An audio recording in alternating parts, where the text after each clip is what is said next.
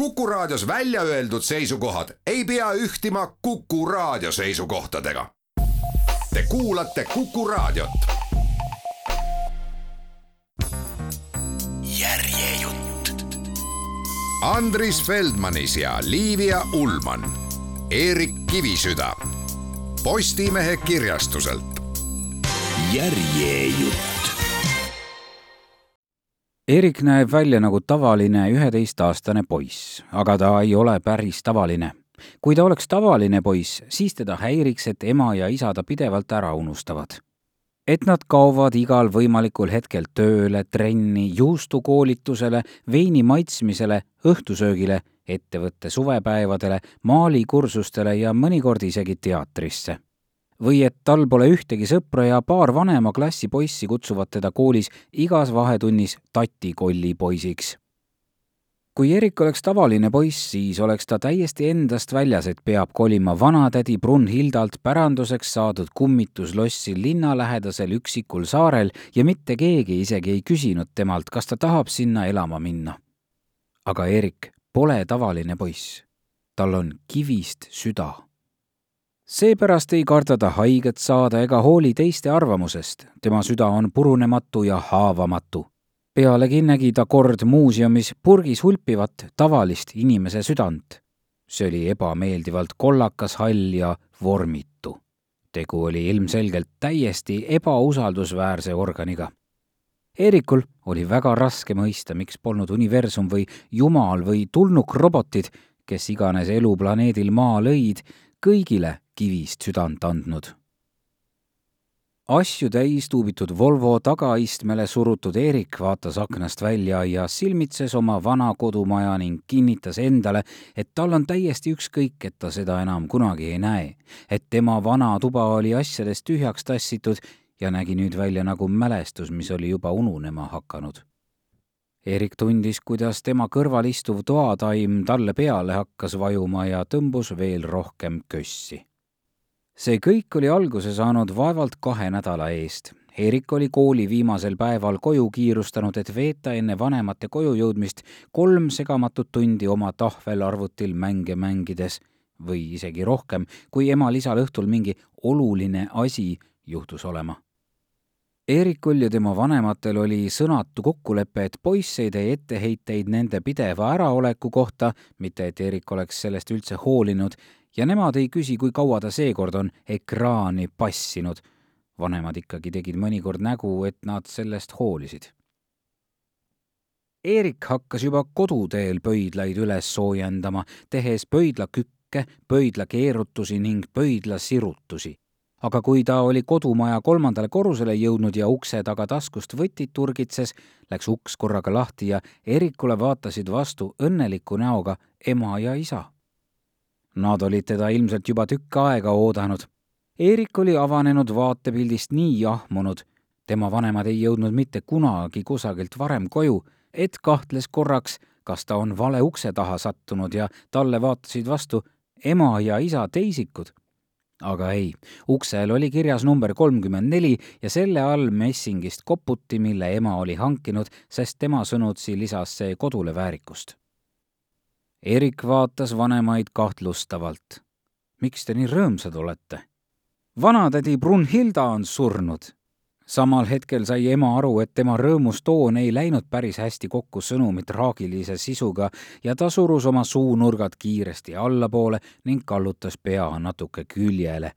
isa järgis tema eeskuju Nad nägid välja nagu kaks naeratavat klouni, kes olid endale nutunäod pähe maalinud Erik jõllitas neid. kes on vanatädi Brunhilda? kes on vanatädi Brunhilda? nähtavasti keegi, kelle surma Eeriku vanemad juba pikemat aega olid oodanud, sest vanatädi Brunhildal polnud ühtegi teist sugulast kui tema vanatädi, õepoja tütre mehe tütar ehk Eeriku ema. küll aga oli tal suurepärane vana villa, kuhu Eeriku ema oli lapsena paaril suvel viidud. ah, mu pumperniklike, me teeme seal sellise remondi, et et, ükski sisustusajakiri pole meie täiusliku ühe pere elamu jaoks piisavalt hea, õhkas ema. kas me kolime sinna? aga muidugi, see on meie unistuste maja. kuidas? aga me elame ju siin. ema ja isa vahetasid mureliku pilgu. sa saad seal omale suurema toa, kas pole tore? sõnas isa.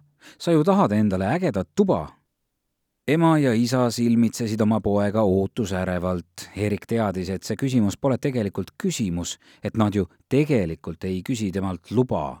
kui ta eitavalt vastaks, veenaksid vanemad ta lihtsalt ümber, sest tegelikult pole ühelgi lapsel õigust kaasa rääkida sellistes tähtsates perekondlikes asjades nagu kinnisvara, auto ja suuremate mööbliesemete ost ja müük, remont ning kolimine isegi kui vanemad küsivad, on neil ju vastus endal olemas.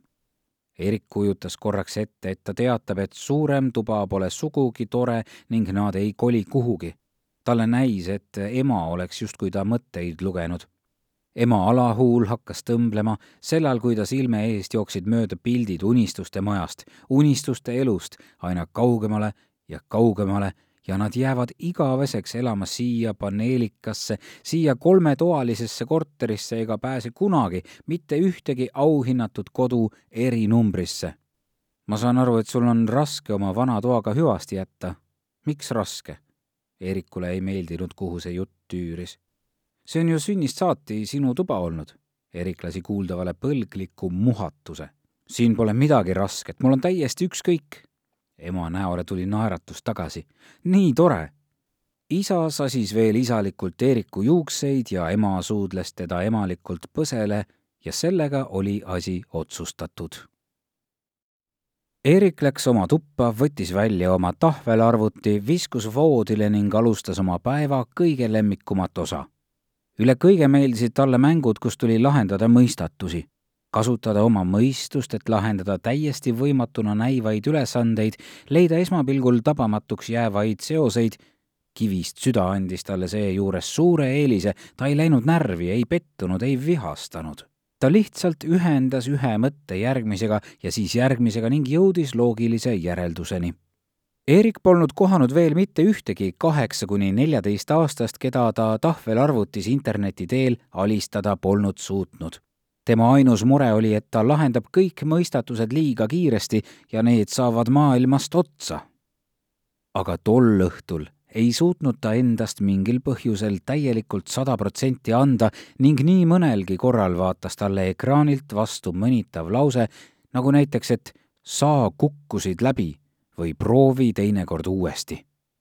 ükskõik kui keskendunud ta oli ja ta oskas olla väga keskendunud, lausa nagu masin või nagu kivikuju kargasid ikka ja jälle vaimusilma ette kujutluspildid vanatädi Brunhildast, kelle vanasse majja nad kolima hakkavad.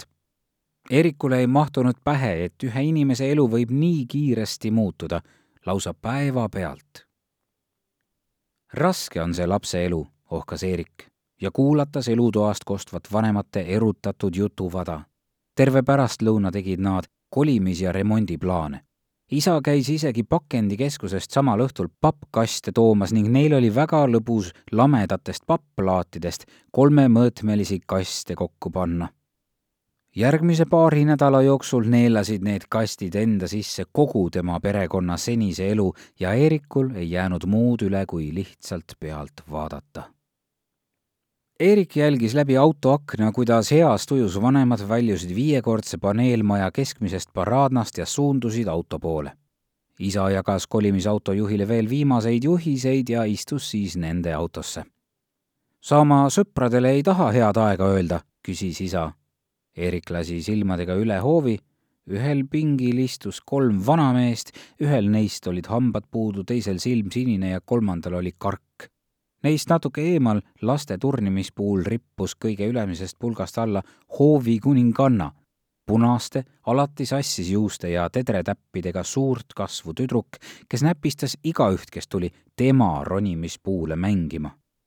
ja siis oli seal šerif, ühe vanaproua hirmkõhn Afganistani hurt, kes oli Eerikustki vanem tema oli ainus, kes Eeriku vastu sõbralikkust üles näitas, kuigi vahel läksid tal tema vanas koerapeas tunded sassi ja lakkumise asemel lõi ta Eerikule hambad jalasäärde.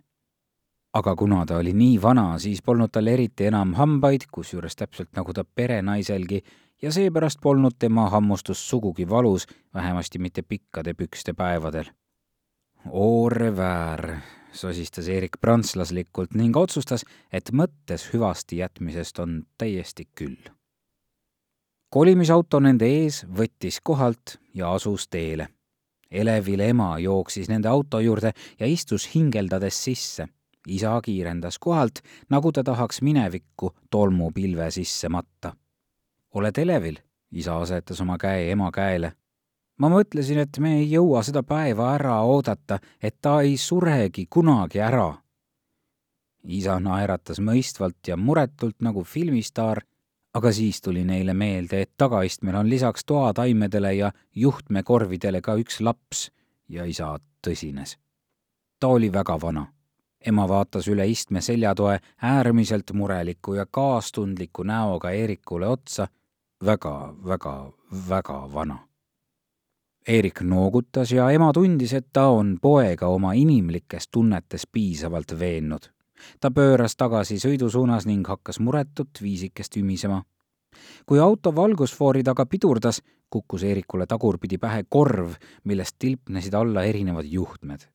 Eerik ei lasknud end isegi sellisel ebamugavusel häirida ning istus terve ülejäänud tee nagu kõigega rahul olev kõigutamatust väljendav juhtmepatsidega Rastafari.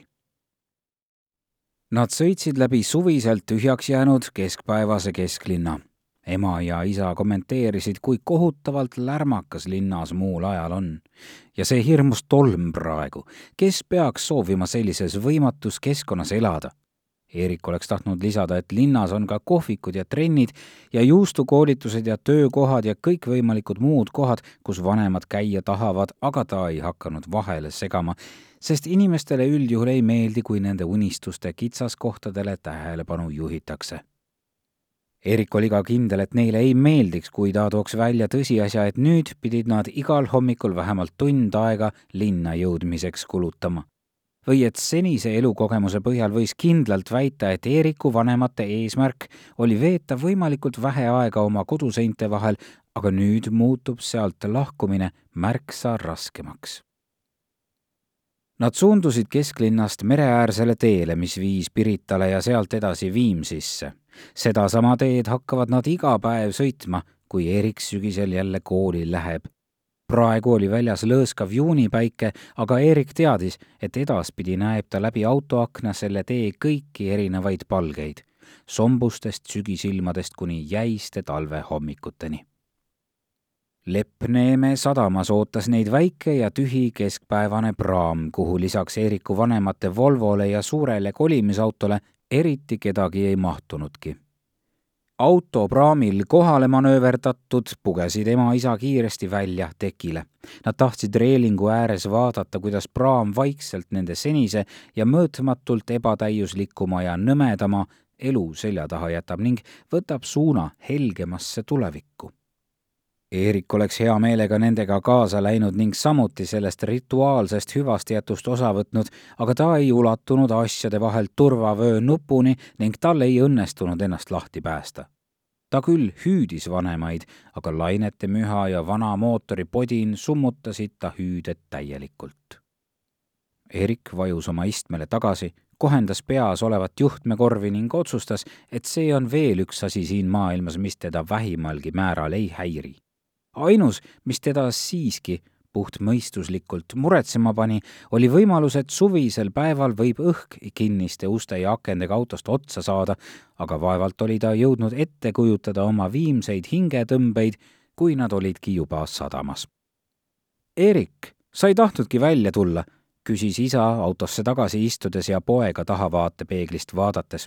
ei, ei tahtnud üdini rahulolevad, et mitte miski, isegi mitte nende juhtmekorvi alla mattunud laps ei ähvarda rikkuda nende uude ellu saabumise rõõmu, sikutasid ema ja isa omale turvavööd peale ning sõit võis jätkuda.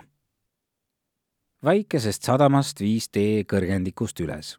sealt pääses juba maanteele, mis jooksis risti läbi kogu saare tihedalt tee ääres kõrguvad puud varjasid päikese ning isegi ema ja isa olid kohale jõudmise ootusärevusest korraga napisõnaliseks muutunud. hetke pühalikkuse rõhutamiseks vajutas isa isegi autoraadio kinni. nüüd kostis ainult kummide vaikset sahinat ja istmepolstri rahutut naginat. Siis vajutas isa pidurit ning nad keerasid künklikule metsavaheteele, mille kohal kaarduvad puud tekitasid tunde, nagu nad sõidaksid hämaras tunnelis Eerik jälgis aknast metsaalust, mis oli tihedaks kasvanud. siin-seal vanad maha kukkunud surnud puurondid, ämblikuvõrk päikese käes sillerdamas, kaugemal eemal metsaalune tumedus, mis neelas kõik endasse. olemegi kohal. Eerik võpatas tahtmatult. Isa osutas eespool paistva lagendiku suunas ja sõitis aeglaselt edasi mets lõppes ja nad jõudsid võsastunud, igat värvi lilli täis kasvanud aeda, mille keskel kõrgus muinasjutu lossi moodi maja. kuigi aeda täitis pärastlõunane soe valgus, paistis maja tume siluett vastu päikest kurja kuulutav. Erik vaatas ammuli sui maja ja mõtles, et ükski meeldiv ja heatahtlik muinasjutu tegelane sellises lossis küll ei elaks isa aeglustas autosõitu veelgi, et majale lähenemise õudusfilmilik aegluubi efekt paremini mõjule pääseks. korraga tundus Eerikule, et ta nägi midagi või õigemini kedagi. maja kõrval suure tamme all oli keegi kiikunud. Eerik oli näinud seda silmanurgast ühe vaevu tabatava hetke jooksul, aga kui ta nüüd pead pööras, siis oli tammepuu koos kiigega juba maja nurga taha kadunud. auto jäi seisma ema ja isa läksid autost välja, Erik aga jäi üle õla kiige poole vaatama. Erik, me oleme kodus. ema oli pea auto uksest tagasi sisse pistnud ja naeratas laialt pojale. tule nüüd. ta küünitas lähemale ja tegi Eeriku turvavöö lahti. Eerik ronis autost ettevaatlikult välja ema ja isa seisid kaelakuti kahe poolega peaukse ees ning näitasid näpuga kord ühe ja siis teise akna poole, nagu püüaksid ära arvata, mis toad võiksid klaaside taga peituda ema seletas isale, et kindlasti tuleb midagi ette võtta selle džungliga, mis aias valitses ning isa kommenteeris, et sissesõidutee tuleks esimese asjana ära tasandada, sest see lõhub auto vedrustust.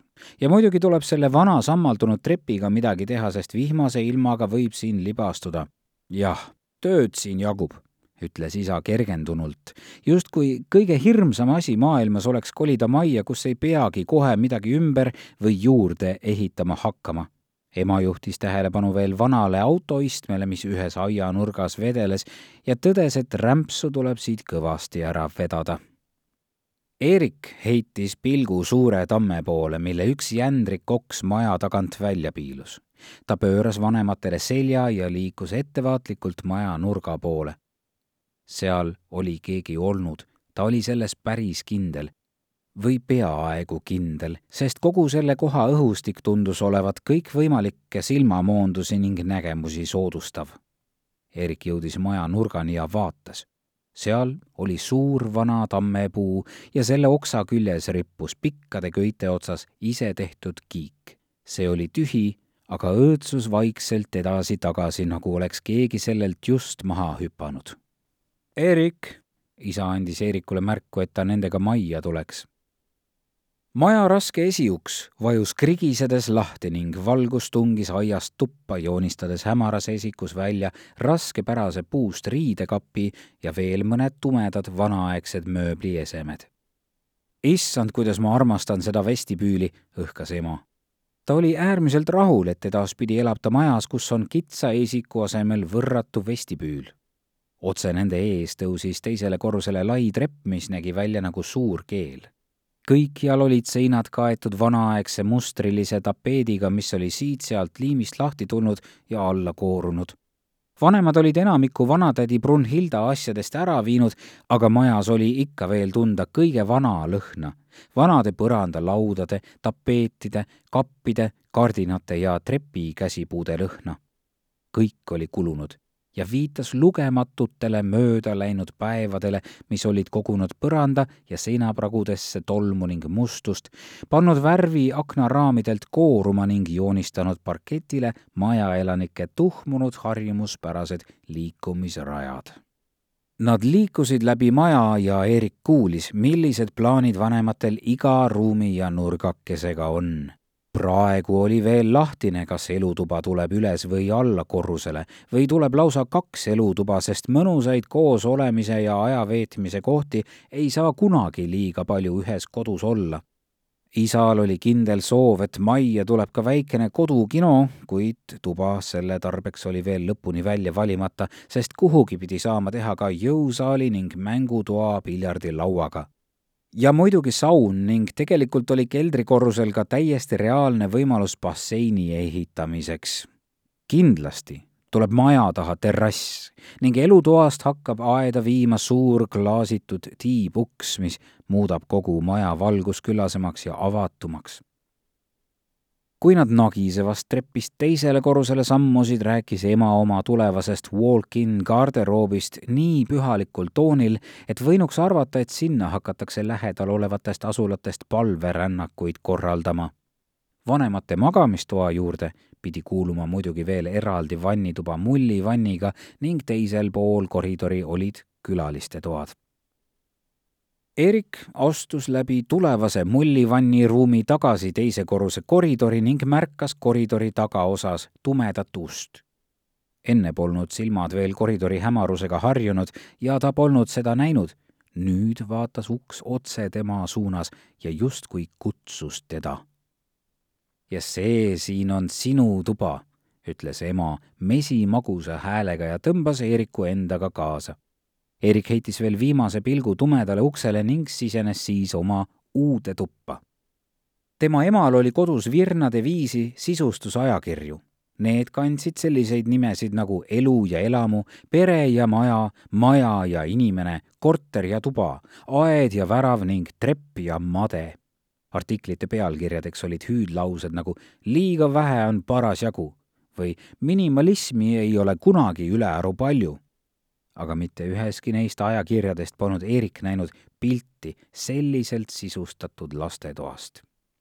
saali meenutava toa seintel oli tuhmunud raskepärase kuldse mustriga tapeet, mis oli hakanud lae juurest lahti kooruma ühes seinas seisis tohutu must riidekapp ja selle vastas laius vanatädi Brunhilda hiiglaslik voodi, mille neljale otsapostile olid nikerdatud siuglevad mürgimaod.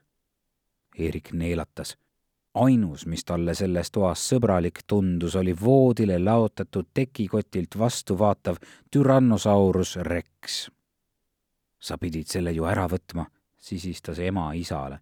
pagan, ütles isa nüüd nägi ka Eerik, millest jutt oli.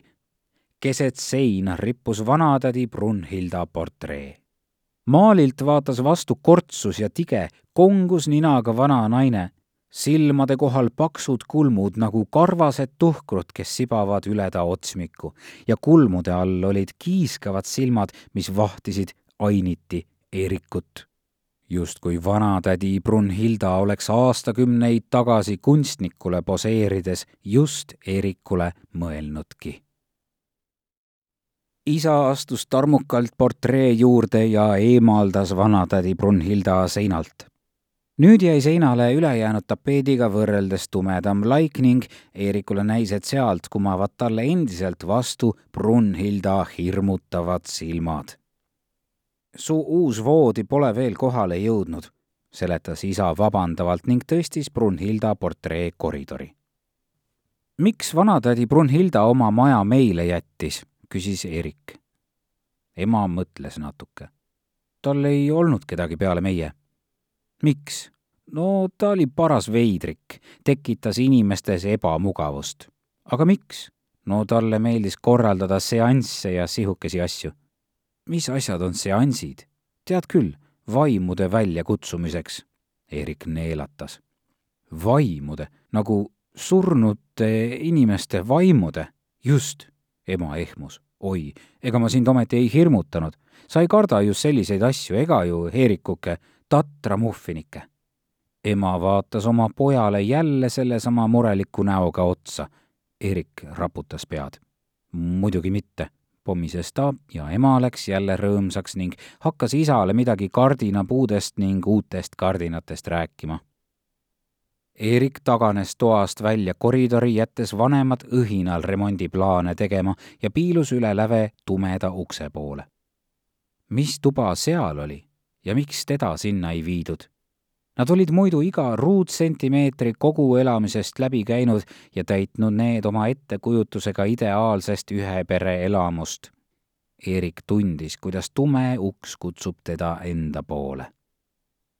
Ta astus nagiseva põrandaga koridori ja sammus ettevaatlikult ukse poole.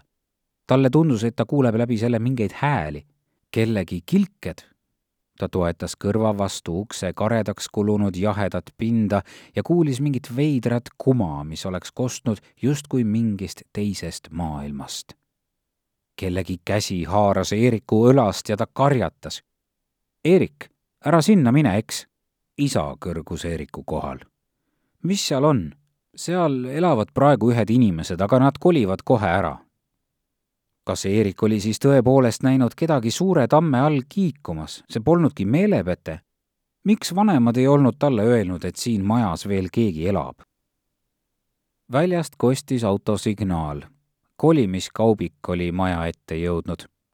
Järgnevad tunnid kuni õhtuni olid täis sagimist ja maja täitus ajapikku kolimiskastidega, mida kolijad osavalt üksteise otsa ladusid nagu Tetrise mängus Eerikul soovitas ema minna oma tuppa, muidu ta on kolijatel jalus.